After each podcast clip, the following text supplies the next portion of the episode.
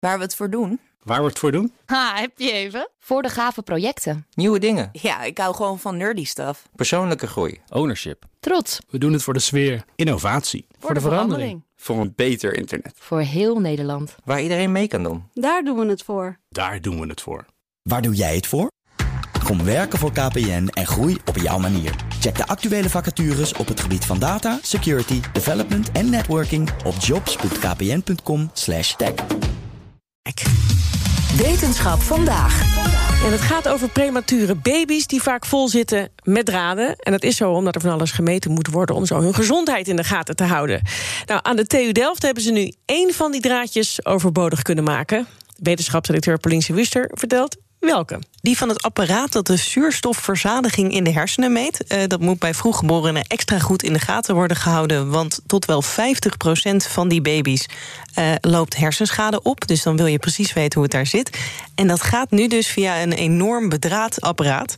En zoals je al zei, dat is niet de enige waar baby's mee in de gaten moeten worden gehouden. En dat was ook een beetje de inspiratie van onderzoeker Alina Ray van de TU Delft. What happens is that with all of these viruses, it is literally impossible for the parents or the caregivers to interact with the baby um, and to give them the physical care that they actually need to. And it also hinders the um, the the hospital care that the nurses are giving to them. Ja, dus kortom, al die draadjes, dat belemmert de baby's in hun beweging. En beweging is juist heel belangrijk voor de ontwikkeling van die baby's, van bijvoorbeeld spieren. En dus dachten deze onderzoekers, hier kunnen we wat slimmers op bedenken. So we thought, you know, we can do something different on this. Because um, in the field of bioelectronics, we are moving towards a trend from using these hard wired devices to a soft wireless um, platform. Oké, okay, soft wireless platform, moet ik me daarbij voorstellen?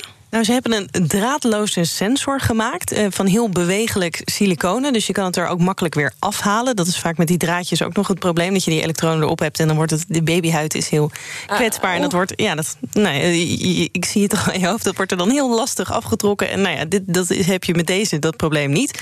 En in dat bewegelijk siliconen zitten daarin zitten vier fotodetectoren, dus die nemen die kijken wat voor licht er binnenkomt en er zit een ledlampje. En daarmee wordt dan het hemoglobine in je bloed uh, gemeten.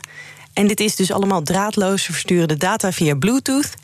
En met dat licht meet ze dus die hemoglobine, omdat je daarin een verschil ziet of je bloed wel of niet vol met zuurstof zit.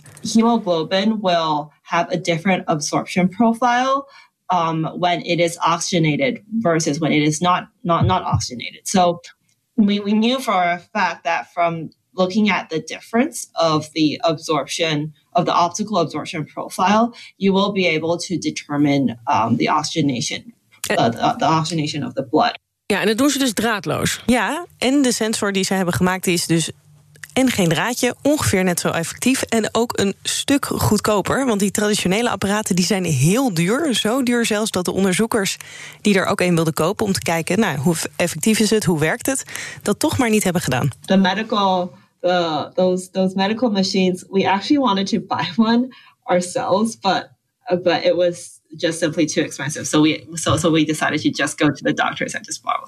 Ja, want de sensor ontwikkeld aan de TU Delft die kost zo'n 25 euro. En zo'n bedraden machine die is al snel 10.000 euro. Wat een verschil. Dat is een enorm verschil. Dus je bespaart en kosten en het is draadloos en fijner voor de baby. En ja, dat is fijn voor ons natuurlijk in landen zoals Nederland of Amerika... waar dit onderzoek ook deels is gedaan. Maar het is vooral fijn voor minder ontwikkelde landen... want die hebben vaak überhaupt deze bedraden machines niet... omdat het dus zo duur is. Oh ja. En ja, daar hebben ze nu dus zo'n sensor als een goedkope optie. I think having a cheap, convenient option will not only help the neonatal care in the developed countries in terms of helping them be able to um, provide much, provide a more comprehensive neonatal care, but um, it will also be game changing for um, the low resource countries as well. Kun je zo'n sensor op meerdere baby's gebruiken eigenlijk? Of is het na één keer gebruiken weggooien? Ja, dat heb ik eigenlijk niet gevraagd. Ik zou denken dat het meerdere keren gebruikt uh, kan worden. Maar mocht er nou een luisteraar heel erg mee zitten, mail dan even wetenschap.bnr.nl en dan kan ik uh, het mogelijk voor je uitzoeken. En dat is wetenschapsdirecteur Pauline Wuster. Ook Harm Edens vind je in de BNR-app. Je kunt BNR Duurzaam niet alleen live luisteren in de app, maar ook terugluisteren als podcast, zoals al onze podcasts. En naast dat de BNR-app Breaking News meldt, houden we je ook op de hoogte van het laatste zakelijke nieuws. Download nu de gratis BNR-app en blijf scherp.